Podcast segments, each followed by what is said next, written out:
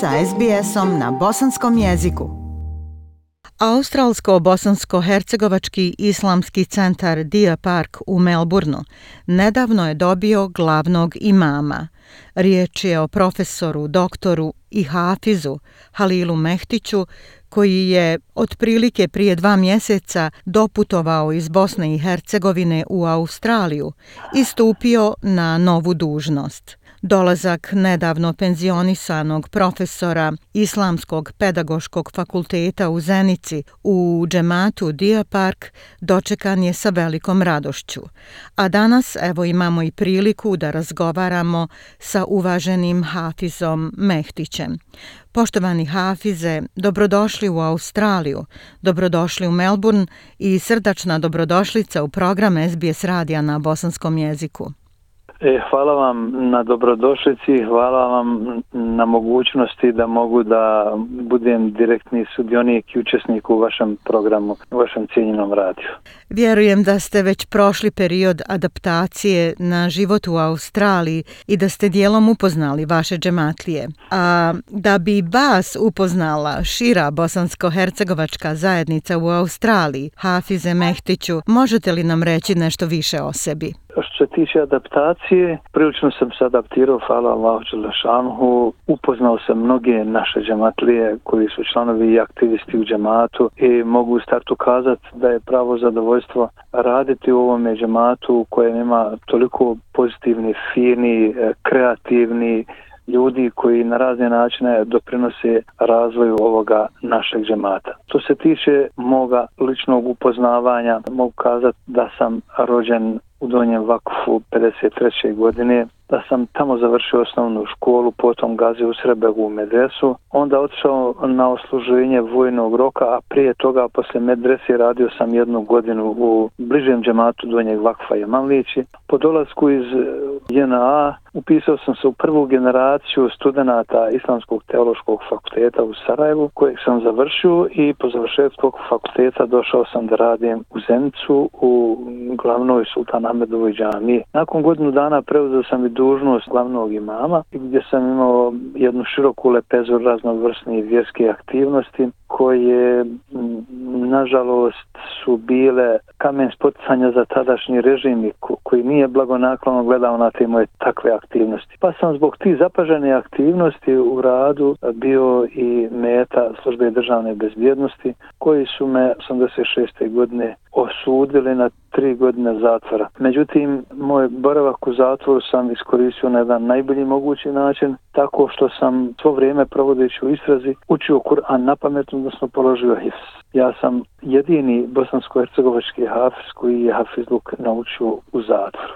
Po izlasku iz zatvora e, normalno nastavio sam sa svojim aktivnostima. Vratio sam se u Sultan Ahmedovu džamiju.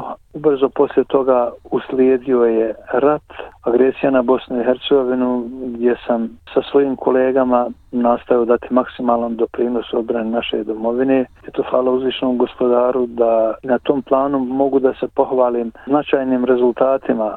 Potvrda tome su brojna priznanja koja sam dobio od 7. muslimanske brigade koja sam dobio od trećeg korpusa armije Bosne i Hercegovine, a najveće priznanje koje sam dobio jeste zlatno slovo A od ratne oficirske škole koja odvijela svoj rad u Zenci i srebrnu plaketu od generalštava armije Bosne i Hercegovine. Poslije toga izabran sam za prvog zemljičkog muftiju i na toj dužnosti ostao sam od 93. do 97. godine. Od 90. do 97. godine obnašao sam i dužnost predsjednika Ilmije Bosne i Hercegovine. Nakon moga mandata na mjestu muftije počeo sam se baviti profesorskim radom i zajedno sa kolegom Nusretom Isanovićem 1993. godine osnovali smo Islamsku pedagošku akademiju koja je 2000. godine transformisana u Islamski pedagoški fakultet a svrha i cilj osnivanja te akademije je da odgajemo i obrazujemo kadrove koji će na jedan adekvatan način i u duhu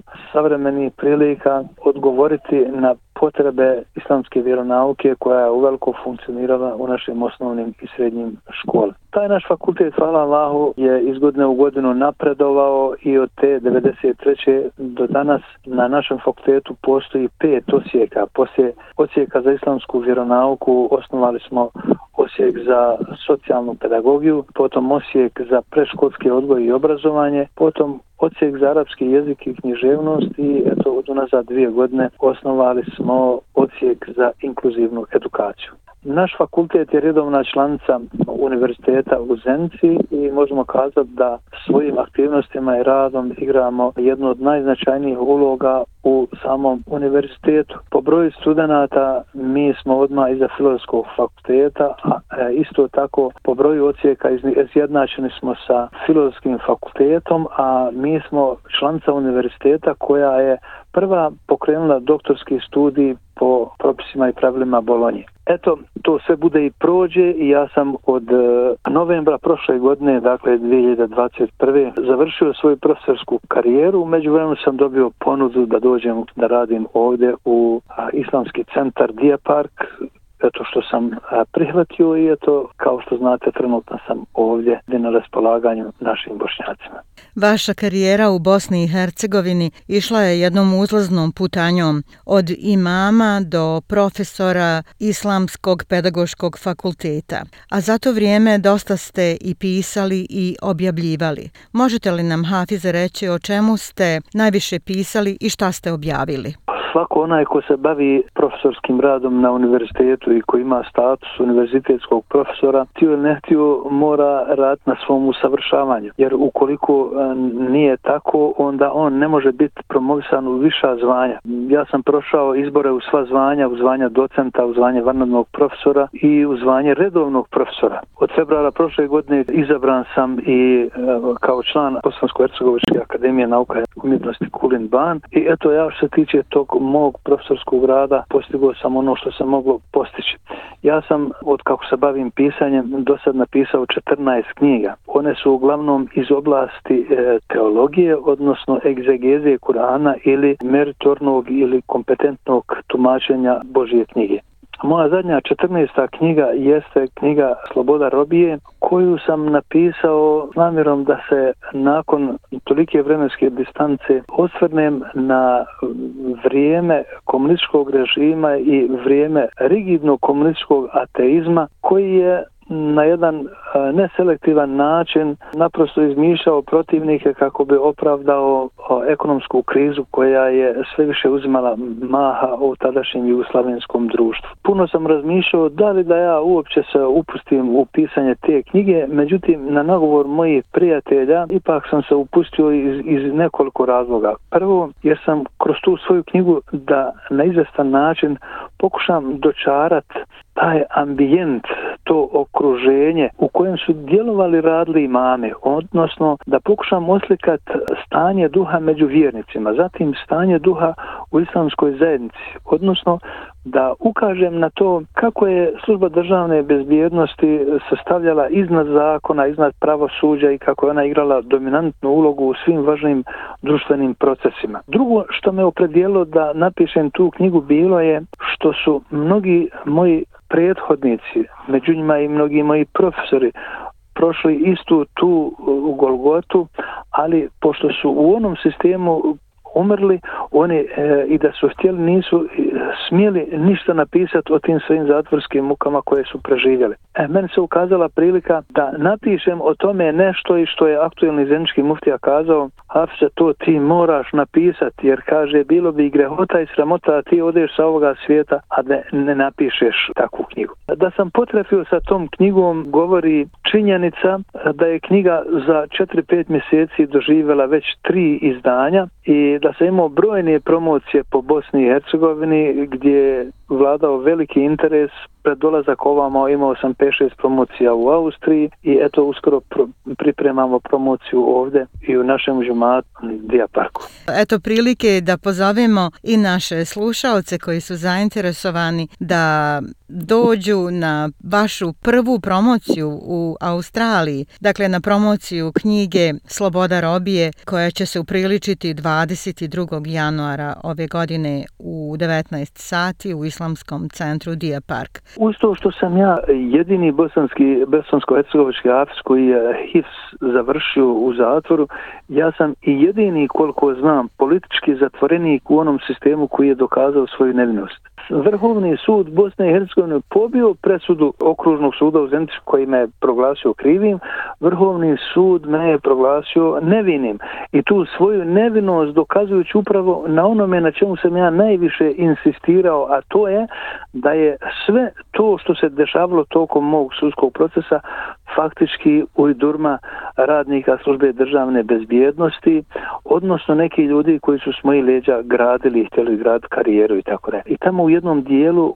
u obrazloženju presude Vrhovni sud kaže kako je služba državne bezbjednosti prekoračila svoja ovlaštenja i kako je zloupotrijebila, kako su neki od njenih radnika zloupotrijebili svoj položaj i kaže iskonstruisavši izjave određenih svjedoka faktički dezavuisala okružni sud u Zenci na osnovu čega je okružni sud donio ovaj okrivljujuću presudu. I tako da sam ja dokazao svoju nevinost nakon 15 mjeseci ležanja u istražnom zatvoru, ovo je to, hvala Allahu, na tome sam neizmjerno, neizmjerno zahvalan. Vaše razmišljanja i svo to iskustvo knjigu pretočili ste u knjigu filozofskog naslova Sloboda robije. Mnoge moje kolege koji su intelektualci, direktori medresa, profesori fakulteta i tako dalje, ovo je neskromno što ću kazati, su mi čestitali na tom štivu i kazali su da bi prava šteta bila da se knjiga ove vrste nije pojavila. Jedan, na primjer, moj kolega koji radi kao imam u Beću, zatim kao direktor Behran Begove medrese u Tuzli, još neke kolege su mi kazali da je to jedina knjiga u njihovom životu koju su oni pročitali u jednom dahu, da je nisu ostavljali. Znači, knjiga je, hvala Allahu, tako intonirana, tako je koncipirana, da se nižu događaj za događajem. I onda ja kad spominjem vezano za neke događaje određene ljude, ja pravim jednu malu digresicu i onda predstavljam te ljude, govorim o njihovim tim pozitivnim vrlenama, karakteristikama i tako dalje, što knjigu čini dodatno vrijednim. Jer portretiranje tije ličnosti faktički govori o tim našim dobrim bošćanima koji su u najtežim tim trenucima našeg zajedničkog života ostajali dostojanstveni, nisu podlegli pritistima, nego su pokazali to svoje čojstvo, to svoje ljudstvo, taj svoj karakter, svoju hrabrost i ostali dosljedni, dosljedni svojim, svojim stavima. Pa eto, nadamo se da će vaša knjiga naći puta i do čitalaca u Melbourneu i šire. Još da samo dodamo da će o knjizi govoriti akademik dr. Džavid Haverić i profesor Ismet Efendija Purdić. A recite nam, Hafize, šta vi smatrate da je najveća vrijednost koju možete dati ljudima ovdje u Australiji? Po mom skromnom shvatanju najveća vrednost je to moje e, zasigurno jedno e, dugogodišnje bogato životno iskustvo. Zatim to moje neko skromno znanje s kojim ja raspolažem i eto moje nastojanje i moja želja da pripomognem u tom vjerskom prosvećivanju i educiranju naše omladne i naših džematlija. Ono što bi također htio da kažem i da spomenem kao neku vrstu poruke o onima koji nas slušaju Braćo moja draga, vi koji ste bošnjaci, muslimani, morate znati jednu stvar, da sve ono na čemu se bazira i što baštini naša bogata tradicija i kultura bošnjaka, da je to utemeljeno na nošoj duhovnoj islamskoj matrici. Dakle, islam je ta naša osnovna komponenta koja nas bošnjake određuje u odnosu na druge. Islam nas uči univerzalnim, savršenim ljudskim vrijednostima koje trebamo njegovati ma gdje bili, ma šta radili i ma gdje obitavali. Sa njima mi ćemo olakšati sebi život na ovom svijetu, a inša Allah nadamo se i boljem stanju uh, nakon našega proseljenja. A koja bi bila vaša poruka bosancima i hercegovcima u Australiji? Ovako, svi mi E, koji potječemo iz Bosne i Hercegovine de facto smo i malte ne isti narod samo što nas naša religijska opredjeljenja e, dijele i razdvajaju. Moramo znati jednu stvar, a to jeste da etničke podijeljenosti, da nas Bog nije podijelio da bismo se međusobno gložali, nego je to Božja volja i Božje određenje, kako uzvišni gospodar u svojoj knjizi kaže poslanik Velaviša rabbuke la amena men fil ardi kulluhum jami'a vjerovjesniče da je tvoj gospodar htio svi bi ljudi isto vjerovali. A onda mu kaže fa ente tukrihu nasa hatta yakunu mu'minin a zar ćeš ti prezirat ljude zbog toga što oni neće da prevate tvoj put? Što je Allah stvorio sudnji dan. On će nam presuditi ko je bio u pravu, ko nije bio u pravu.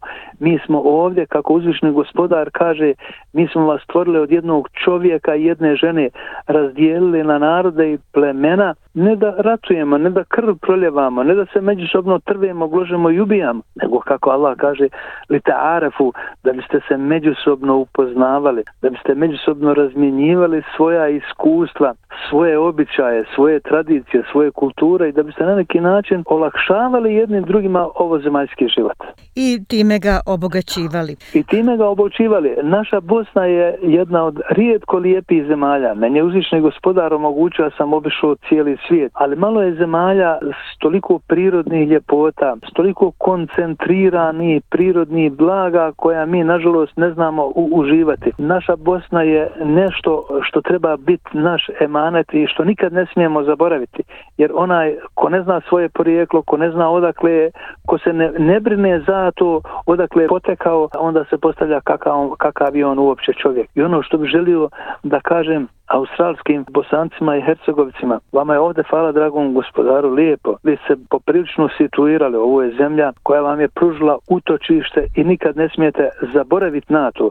Morate uvijek biti blagodarni i zahvalni prema ovoj zemlji koja je vama pružila utočište, omogućila vam da se školujete, omogućila vam da radite, omogućila vam da zaradite i omogućila vam ako ste u nezavodnoj situaciji pa ne možete ni raditi, omogućila vam je da se brine o vama. To su ta savremena dostignuća ovih savremenih društava koje vi uživate ovdje. Ja gledajući materijalno stanje naših bošnjaka mogu biti samo fasciniran onim što naši bošnjaci imaju i što naši bošnjaci uživaju. Ali to ne smije biti zapreka ili kamen spocanja pa da zaborave totalno na svoju domovinu na Bosnu i Hercegovinu. Jedan od puteva ili načina da zaborave na Bosnu i Hercegovinu jeste da zaborave svoj materni jezik. Zato apelujem na roditelje da se maksimalno trude da svoju djecu uče maternijem jeziku kako ne bi ostali bez tog osnovnog korijena i bez osnovne žile koja to naše bošnjačko stablo vezuje za našu domovinu Bosnu i Hercegovinu. Hvala vam, cijenjeni Hafize, na izdvojenom vremenu, ovom razgovoru i lijepoj poruci. Želimo vam puno uspjeha u daljem radu, kao i sreću i zadovoljstvo u novom životu u našoj lijepoj Australiji. Hvala vama na lijepim željama. Like, share, comment. Pratite SBS Bosnian na Facebooku.